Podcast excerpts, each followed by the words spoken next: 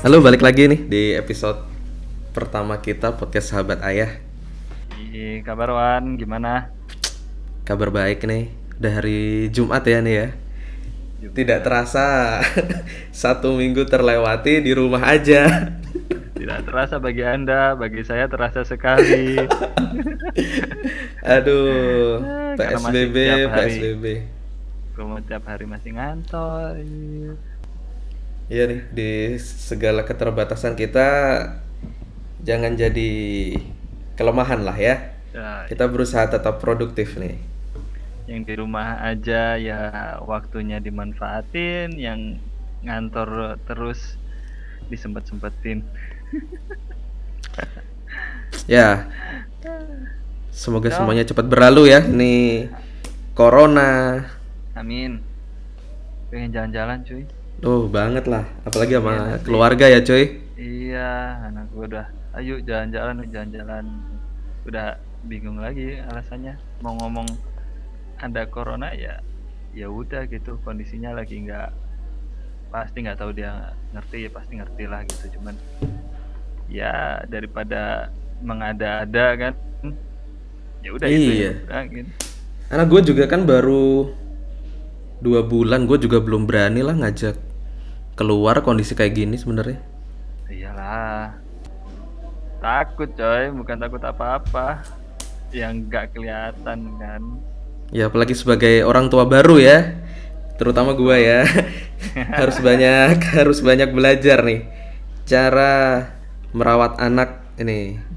Kayaknya seru nih jadi jadi obrolan kita nih Oh, tentang merawat anak di masa-masa pandemi. seperti ini. dengan keterbatasan segala macem ngapain aja berarti Wan kalau di rumah ada Di jadwal kerja jadwal ini nggak sih kalau Ini lucu ya, gue tuh WFH full WFH. Eh istri gue kebetulan sih masih cuti ya, bentar lagi masuk dia. Ini oh, untuk jadi melahirkan masih Iya, masih ada jatah. Kurang dua minggu lagi. Ini jadwal jadi campur aduk sih sebenarnya. Pagi, pagi gua nih dari subuh. Subuh tuh gua udah nyiapin nih susu buat anak gua. hmm. Karena malamnya istri gue yang begadang. Pagi jam 7 anak gua dimandiin sama mbaknya, dijemur sebentar. Udah habis itu ya standar lah. Eh, dia tidur, terus nyusuin lagi. lalu pakai ART Pakai cuy. Kan kebetulan anak gua kembar. wow Bisa Ah, oke bisa mati berdiri gua kalau nggak pakai. Hmm, hmm gue masih berpikir, gue yang satu aja seperti ini, gimana lu yang dua? Wah, Cara bersamaan. itu awal-awal ya datang dari rumah sakit gue nggak tidur seharian cuy. Ngapain? gue masih blank nih. Ini anak gimana nih cara ngurus aduh. Tapi awal-awal ada ini kan, ada bantuan, ada mertua atau ya kebetulan mertua gue datang terus ya kan dia capek ya. Itu kebetulan kan baru datang banget. Di hari yang sama baru nyampe dari Surabaya Haris itu langsung jemput gue di rumah sakit Nah, langsung balik ke rumah. Nah, kan kondisi malam tuh capek semua gitu loh. iyalah.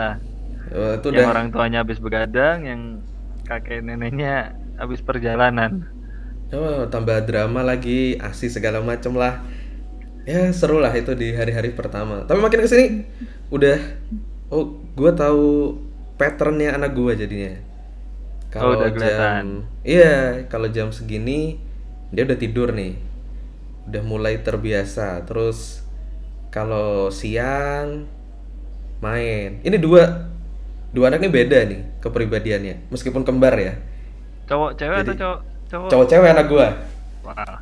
Mantap. Kalau si si cowok ini Idola. dia dia yang lahir pertama dia yang lahir pertama Yang cowok. terus si cowok Mm-mm. karena kan ketubannya pecah duluan Ya. lahir pertama dia tuh lebih eh, kalem dan nggak rewel. Jadi dia di nangis tuh cuma karena lapar, udah. Habis itu diminumin tidur. Nah beda nih yang cewek, mintanya digendong terus. Aduh, lucu sih itu. itu sangat sangat melatih ya. Itu. Jadi jadi orang tua yang sabar gue. Begadang begadang kita sih. Maksudnya Gua- malam malam gitu mereka eh rewel pastilah ya karena pasti iya sih kayak mereka rewel untuk minta minum Hmm, iya jadi jam jadi gini, gua tuh awal-awal tiap dua jam sampai tiga jam lah pasti dibangunin tuh gua disusuin kan. Mm-mm. Terus itu yang bikin jadi kurang istirahat. Akhirnya ya lu, lu kontrol lagi. mesti bangun Heeh, tengah malam gitu. Terus gua kontrol lagi ke dokter, dibilangin nih, "Eh, kalau jam 10 ke atas udah dibiarin. Anak itu ya kalau nangis aja. oh Nah, jadi mulai tertata nih jadwal jam tidurnya udah mulai mulai bener lah. Meskipun dia tetap tengah malam kan ya nangis ganti popok segala macem.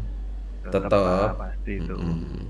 tapi paling nggak kan lu nya juga nggak perlu apa ya istilahnya kalau mau tidur ya udah tidur nanti tergantung kalau ada suara anak lu nangis kan gitu bukan bukan apa ya istilahnya kan beda kalau orang yang oke gue nanti tiga jam lagi gue harus bangun nih berarti waktu waktu tidur itu kayak mau tidur tapi kayak apa ya eh, masih kepikiran mesti bangun lagi ini udah berapa jam kayak gitu loh capek sih maksudnya nggak nggak bisa nyenyak gitu Iya awal-awal sih gue mikirnya kayak gitu ya.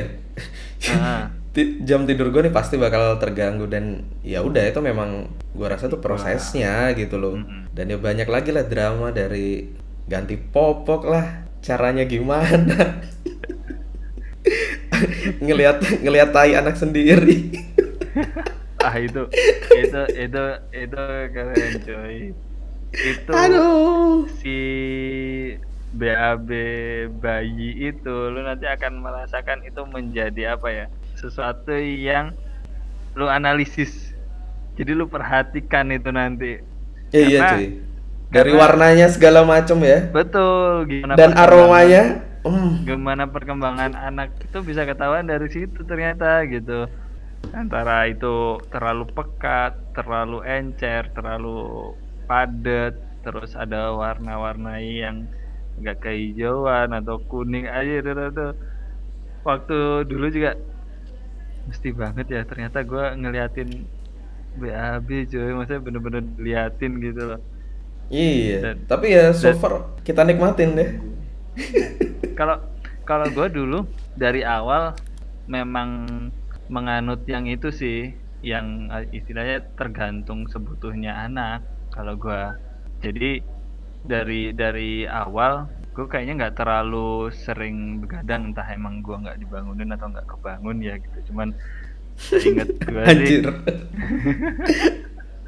Seingat gue sih gue nggak pernah yang melekan kecuali pas si kecil sakit ya. Cuman gue nggak pernah yang kebangun dan terus eh, harus gendong apa gimana kayak gitu.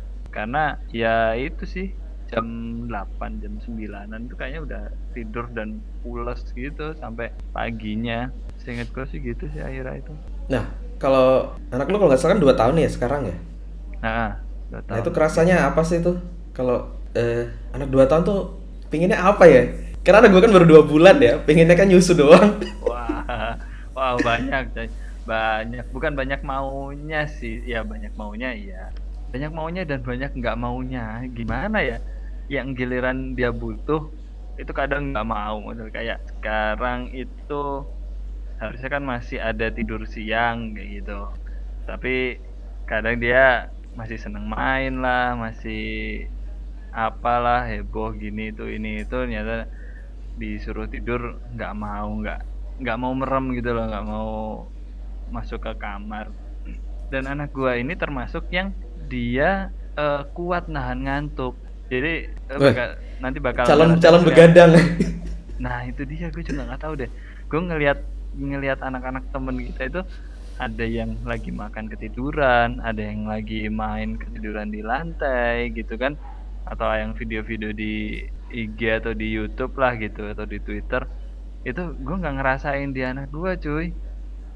Dia walaupun ngantuk tapi ya itu tetap tetap seneng aja gitu. Kalau ada Kenapa ya? mainnya itu ya udah terus aja ayo ya ayo main ini main ini kayak gitu ini mungkin buat teman-teman yang di luar sana yang punya case kayak gagas bisa sharing tuh kenapa itu kok kok ada perilaku yang ngantuk tapi nggak mau tidur. Kayaknya anak gue juga kayak gitu deh yang cewek. Justru gue penasarannya karena ini kan eh, harusnya gue udah mulai mulai proses nyapih kan sebenarnya dari sebelum umur 2 tahun lah gitu. Cuman ya itu susahnya sih gitu karena ada yang karena dia harus tidur sambil nyusu kan. Cuman eh iya itu masalahnya cuman masalah waktu tidur sih sebenarnya nggak dia nggak bisa lepas dan nggak bisa tidur kalau nggak nempel gitu. Sedangkan mungkin karena kalau- kebiasaan kali ya? Mungkin bisa bisa bilang iya gitu. Tapi eh ya itu sih gue masih belum dapet caranya sih gitu. Dan ada yang bilang ya udah biarin aja siangnya nggak usah tidur lah gitu aktivitas biar malamnya capek terus akhirnya tidur. Gue pernah nyoba sekali kalau nggak salah waktu itu sih. Ya udahlah siang nggak tidur dan waktu itu apa ya ke mana gitu jalan kalau nggak salah. Banyak siang udah nggak mimi nggak nyusu memang gitu. Udah karena dia kan nggak tidur. Begitu malam dibiar-biarin ya tetap aja. Jam 9 malam juga tetap aja main. Gue mikir ini anak gimana gitu. Mungkin nanti bakal bakal berubah kali ya? Mungkin sih ya pasti akan banyak akan berubah lah gitu. Tapi kalau pola makan nggak ada nggak ada masalah toh? Atau Nah, gimana? juga, ada cerita apa itu. itu itu juga salah satunya. Bukan bukan dia banyak pingin tapi dia eh, banyak nolak termasuk salah satunya makanan. Itu saja kadang ada masanya lah. Ada masanya dia akan enak makan ya udah ditawarin ini mau masuk tawarin ini masuk. Tapi ada masanya dia nggak mau bener-bener nggak mau apa ya? Nggak mau tuh seharian nggak mau makan apa? Eh kan ada yang ya udah ditawarin terus dia mau lah mau artinya mau untuk untuk makan. Dan ini bener-bener nggak mau maunya ya udah main aja gitu. Kayak nggak berasa lapar gitu loh.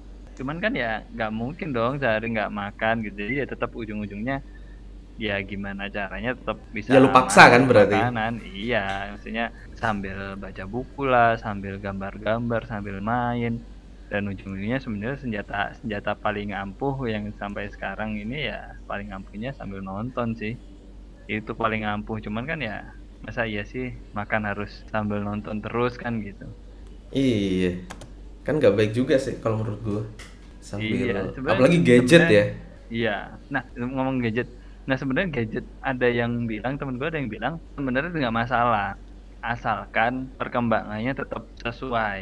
Jadi mungkin kan ya kalau mungkin orang orang dulu kan nggak terlalu ini ya nggak maju lah istilahnya teknologi nggak kayak sekarang. Jadi nggak banyak yang punya gadget. Cuman zaman sekarang gadget bisa jadi media belajar gitu. iya disesuaikan aja kan jam jam penggunaan gadgetnya gitu loh Iya. Dan poinnya adalah harus ditemenin tetap. Jadi istilahnya yang dia tonton itu paling enggak yang kata-katanya jelas karena anak itu kan nyerap kan di situ. Jadi dia akan mengulang. Istilahnya dia anak itu adalah menyerap dan mengeluarkan kembali tanpa ada filter lah bisa dibilang dia belum ada filter gitu. Jadi yang kita lakukan adalah sebagai orang tua tontonannya ini yang kita filter yang bahasanya jelas yang gerak-geriknya bener kayak gitu karena dia audiovisual itu masuk banget untuk anak-anak gitu dan bisa dilatih lagi itu setelah selesai nonton kita ajak cerita ulang oh itu bagus lah ada yang bilang itu bagus karena berarti dia istilahnya bisa nangkep apa yang dia lihat, apa yang dia dengar, terus dia bisa omongkan lagi. Itu salah satu pencapaian gitu. hmm menarik juga ya Cuman biasanya harus dibarengin dengan motorik tetap. Karena kan nonton itu lebih diem kan, kecuali nonton yang kayak kayak teletabis kayak gitu. Jadi di dalam acaranya itu tetap ada ajakan untuk bergerak gitu loh kayak main kayak nari-nari lah, joget-joget apa segala macem. Nah, tapi itu harus dampingin. Karena kalau enggak ya dia mungkin bisa jadi ngikutin, bisa jadi ya udah cuma nikmatin nonton doang dan itu juga tetap motoriknya juga harus dilatih. Hmm. Itu sih. Buat mandi juga sama gitu. Bocah lu harus apa ya? Seneng gitu atau Wah, mandi mah seneng banget ya. Susah susah lepas dari mandi air kalau. Ya itu dia masih lagi seneng lagi seneng renang, lagi seneng main air. Kalau udah di kamar mandi itu ah udahlah. Kalau mau dibiarin tuh kayaknya nggak sejam dua jam Ya kayaknya bakal kayaknya semua anak kayak gitu ya, seneng seneng main air ya. enggak ya enggak semua aja ternyata anak kakak gue itu nggak suka dia nggak bisa kena air maksudnya nggak bisa kena air eh, bagian tertentu sih bagian kepala bagian muka dia nggak mau kena air. Jadi kalau Ah. hujan itu juga dia nggak mau. Terus kalau kayak renang main air kayak gitu dia juga nggak mau. Jadi cuman cuman kayak apa ya main air yang lari-larian gitu doang. Itu dari umur berapa kayak gitu? Eh, sekarang dia umur 4 tahun kalau nggak salah. Itu kayaknya dari umur gue nggak tahu deh dari umur 2 tahunan gitu mungkin tapi nggak juga nggak tahu sih sebelum sebelumnya gitu Oke. lucu lucu itu sih eh kalau kalau pernah mandiin gak sih Awal gua gua kan baru juga sih dapat mbak ya. Awal gua yang gua sama istri gua yang mandiin. Itu ya juga gua belajar dulu dari dari bidan cara mandiin newborn tuh gimana sih. Dan kayaknya fragile gitu ya. Kan barang kayak barang pecah belah gitu. iya coy karena aduh ini masih lemes banget gitu kan Aduh, kalau lo megang kepalanya itu kenyal. Kayak puding kan. Aduh, itu juga cara gendong. Itu gendong gua gue sempat dimarahin sih sama suster itu karena gua nggak nggak pas pegang lehernya. Dan ternyata kan leher leher leher bayi itu masih belum bisa nopang kan. Nah, itu Ah. yang juga jadi perhatian bapak-bapak yang baru punya baby ya. Cara menggendong itu sangat Ini sih, penting. lu pernah tahu ini nggak sih istilah M shape itu nggak sih M Belum shape belum tahu gua. Nah, jadi waktu kapan ya? Awal-awal akhir lahiran kayaknya ada komunitas menggendong baby wearing gitulah. Kita ikut gue sama istri gue ikut yang di Bandung, ikut kegiatannya, ikut seminarnya belajar menggendong dan ternyata eh dalam menggendong itu menggendong anak mulai dari umur newborn sampai toddler lah umur sekitar 2 tahun tiga tahunan itu yang mereka masih digendong ada istilahnya M shape. M shape itu jadi kalau lu pas gendong anak itu dia nemplok di dada lu kan gitu kan. Posisi Mm-mm. kepala di atas. Nah, itu si kaki jadi kalau lu bayangin dari posisi posisi kaki kanan ke kaki kiri itu bentuknya kayak M. Jadi kaki kan ke atas dulu ke lutut, habis itu turun Mm-mm. lagi ke daerah pantatnya itu, habis itu naik lagi lutut kiri, habis itu turun lagi kan ke kaki. Nah, itu bentuk M. Itu yang itu yang benar sebenarnya. Jadi si posisi lutut itu agak lebih tinggi daripada pantat. Lah, anak gue kalau Nah. tidur juga kayak gitu tuh. Kakinya Iya kan? bentuk M gitu. itu itu itu katanya itu yang bagus karena dia tidak merubah posisi tidurnya dia atau posisi posisinya si bayi itu sejak dalam perut juga karena di dalam perut juga dia posisinya sebenarnya seperti itu gitu. Nah ada yang Hmm. ada yang masih apa ya? eh, ya ada yang setuju ada yang enggak. Mulai dari newborn itu bisa digendong posisi kayak gitu posisi yang kepala di atas gitu. Sedangkan ada kan yang bilang ya nggak boleh dong kan punggungnya dan lehernya belum kuat jadi mau nggak mau ya pasti harus gendongnya adalah tiduran kayak gitu. Sedangkan kalau menurut yang gue tahu dari baby wearer itu ya itu justru malah ketika digendong tiduran dia kan kakinya lurus ya maksudnya jadi jadi nempel jadi jadi lurus antara kaki kanan sama kaki kiri. Nah itu justru tidak alami gitu loh, maksudnya tidak apa ya, tidak sama dengan yang ketika dia di kandungan kayak gitu. Katanya sih begitu. Wah gila ya, masalah menggendong doang banyak, Banyak itu. itu tekniknya.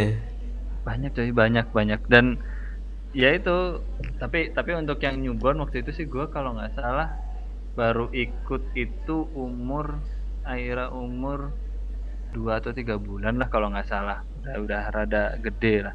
Nah pas awal-awal ya ya nggak banyak digendong juga sih. Maksudnya digendongnya tetap digendong tiduran karena mungkin dia pas lagi rewel gitu kan. Tapi untuk gendong posisi M shape kayak gitu gue sama Saski istri gue sepakat sebenarnya. Cuman begitu gendong itu kayak masih ragu-ragu gitu loh masih Iya. takut-takut gitu karena kan dia ya kadang miring-miring kayak gitu.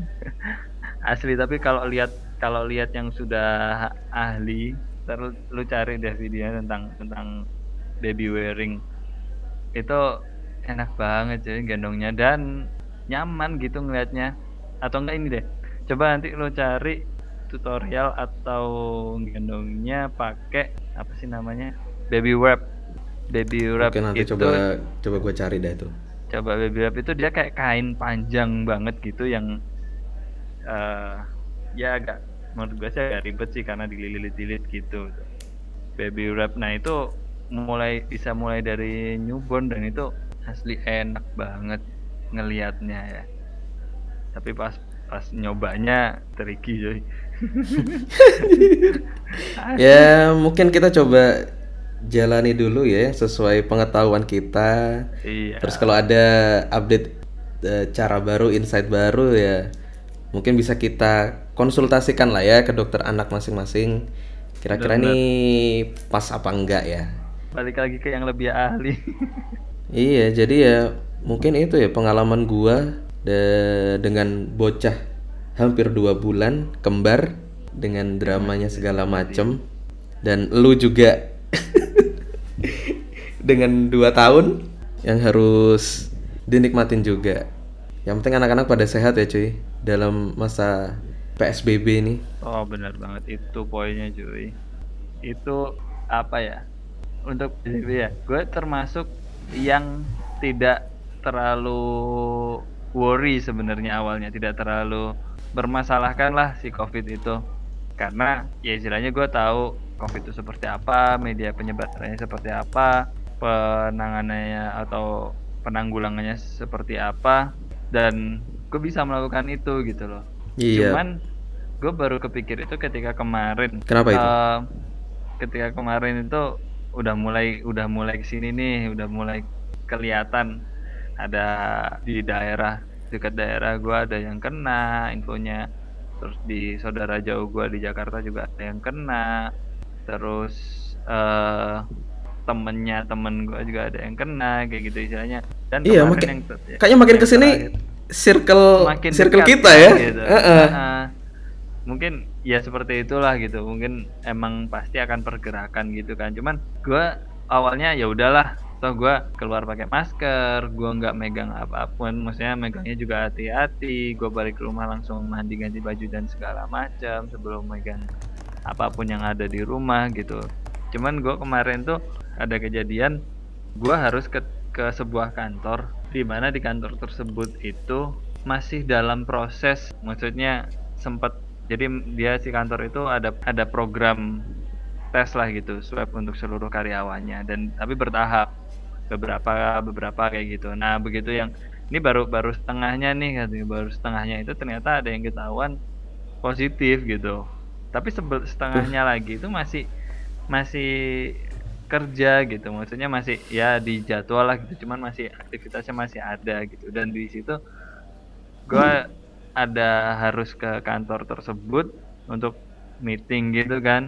Dan Mm-mm. mereka bilang mas harus bawa eh, tes rapid ya karena sekarang lagi diperketat gitu katanya.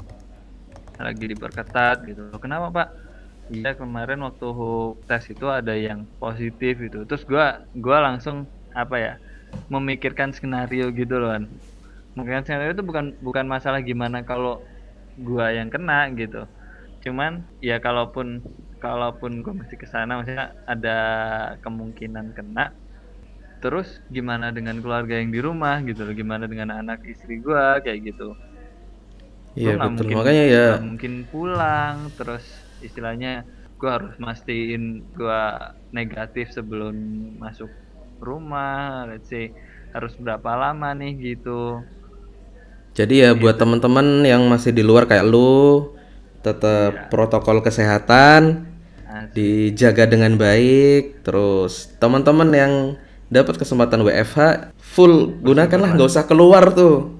Bersyukur ini Kayak gitu. juga sama sama teman-teman yang di kantor itu selalu bertanya-tanya ke atasan kita ini nggak ada sudah udah sedekat ini loh istilahnya. Yang nggak di circle di kantor gua sih cuman udah banyak nih gitu kawan masa sih nggak ada minimal jadwal WFH lah atau apa gitu. Itu asli buat buat kalian yang yang belum mungkin kayak gua dulu ya yang masih merasa virus corona ini masih jauh dari kalian ya percayalah gitu. Bahwa sebenarnya mungkin itu ada di di sekitar kalian cuman nggak sampai ketahuan aja gitu loh. Karena gimana pun kalaupun ada itu ya nggak mungkin akan dikeluar-keluarin juga gitu kan. Iya Ya udah, dan mending mending turutin aja lah gitu. Dan kalau masuk rumah kita harus bersih-bersih langsung mandi. Apalagi yang punya bayi ya itu juga harus dijaga banget. Dan kita doakan ya nih pemerintah segera menemukan vaksin amin yang amin. sudah dibikin kalau nggak salah nih lagi di tahap uji coba ya. Iya. Ya semoga segera beres dan anak-anak sehat semua. Mungkin nanti Nah, normal buat lagi. Ah, ah, buat teman-teman yang punya permasalahan sama dengan kita bisa nih sharing di Instagram ya. Boleh komen. boleh, boleh. Di IG Oke. kita juga boleh. IG gua @adisatun atau IG luan. At Cak Rituan Ini Bisa ya nanti ya. aneh. Nanti mungkin kita bahas ini. Kenapa namanya? Zaman alay pak. oke kita bisa nanti lanjut di episode selanjutnya. Dan Siap. kalau ada topik-topik seru bisa berkabar ya. Boleh boleh. Nanti kita sambung lagi kapan-kapan nih Udah lumayan nih gua mesti balik daripada ditanyain. Oke. Oke bye. Thank you semuanya. Oke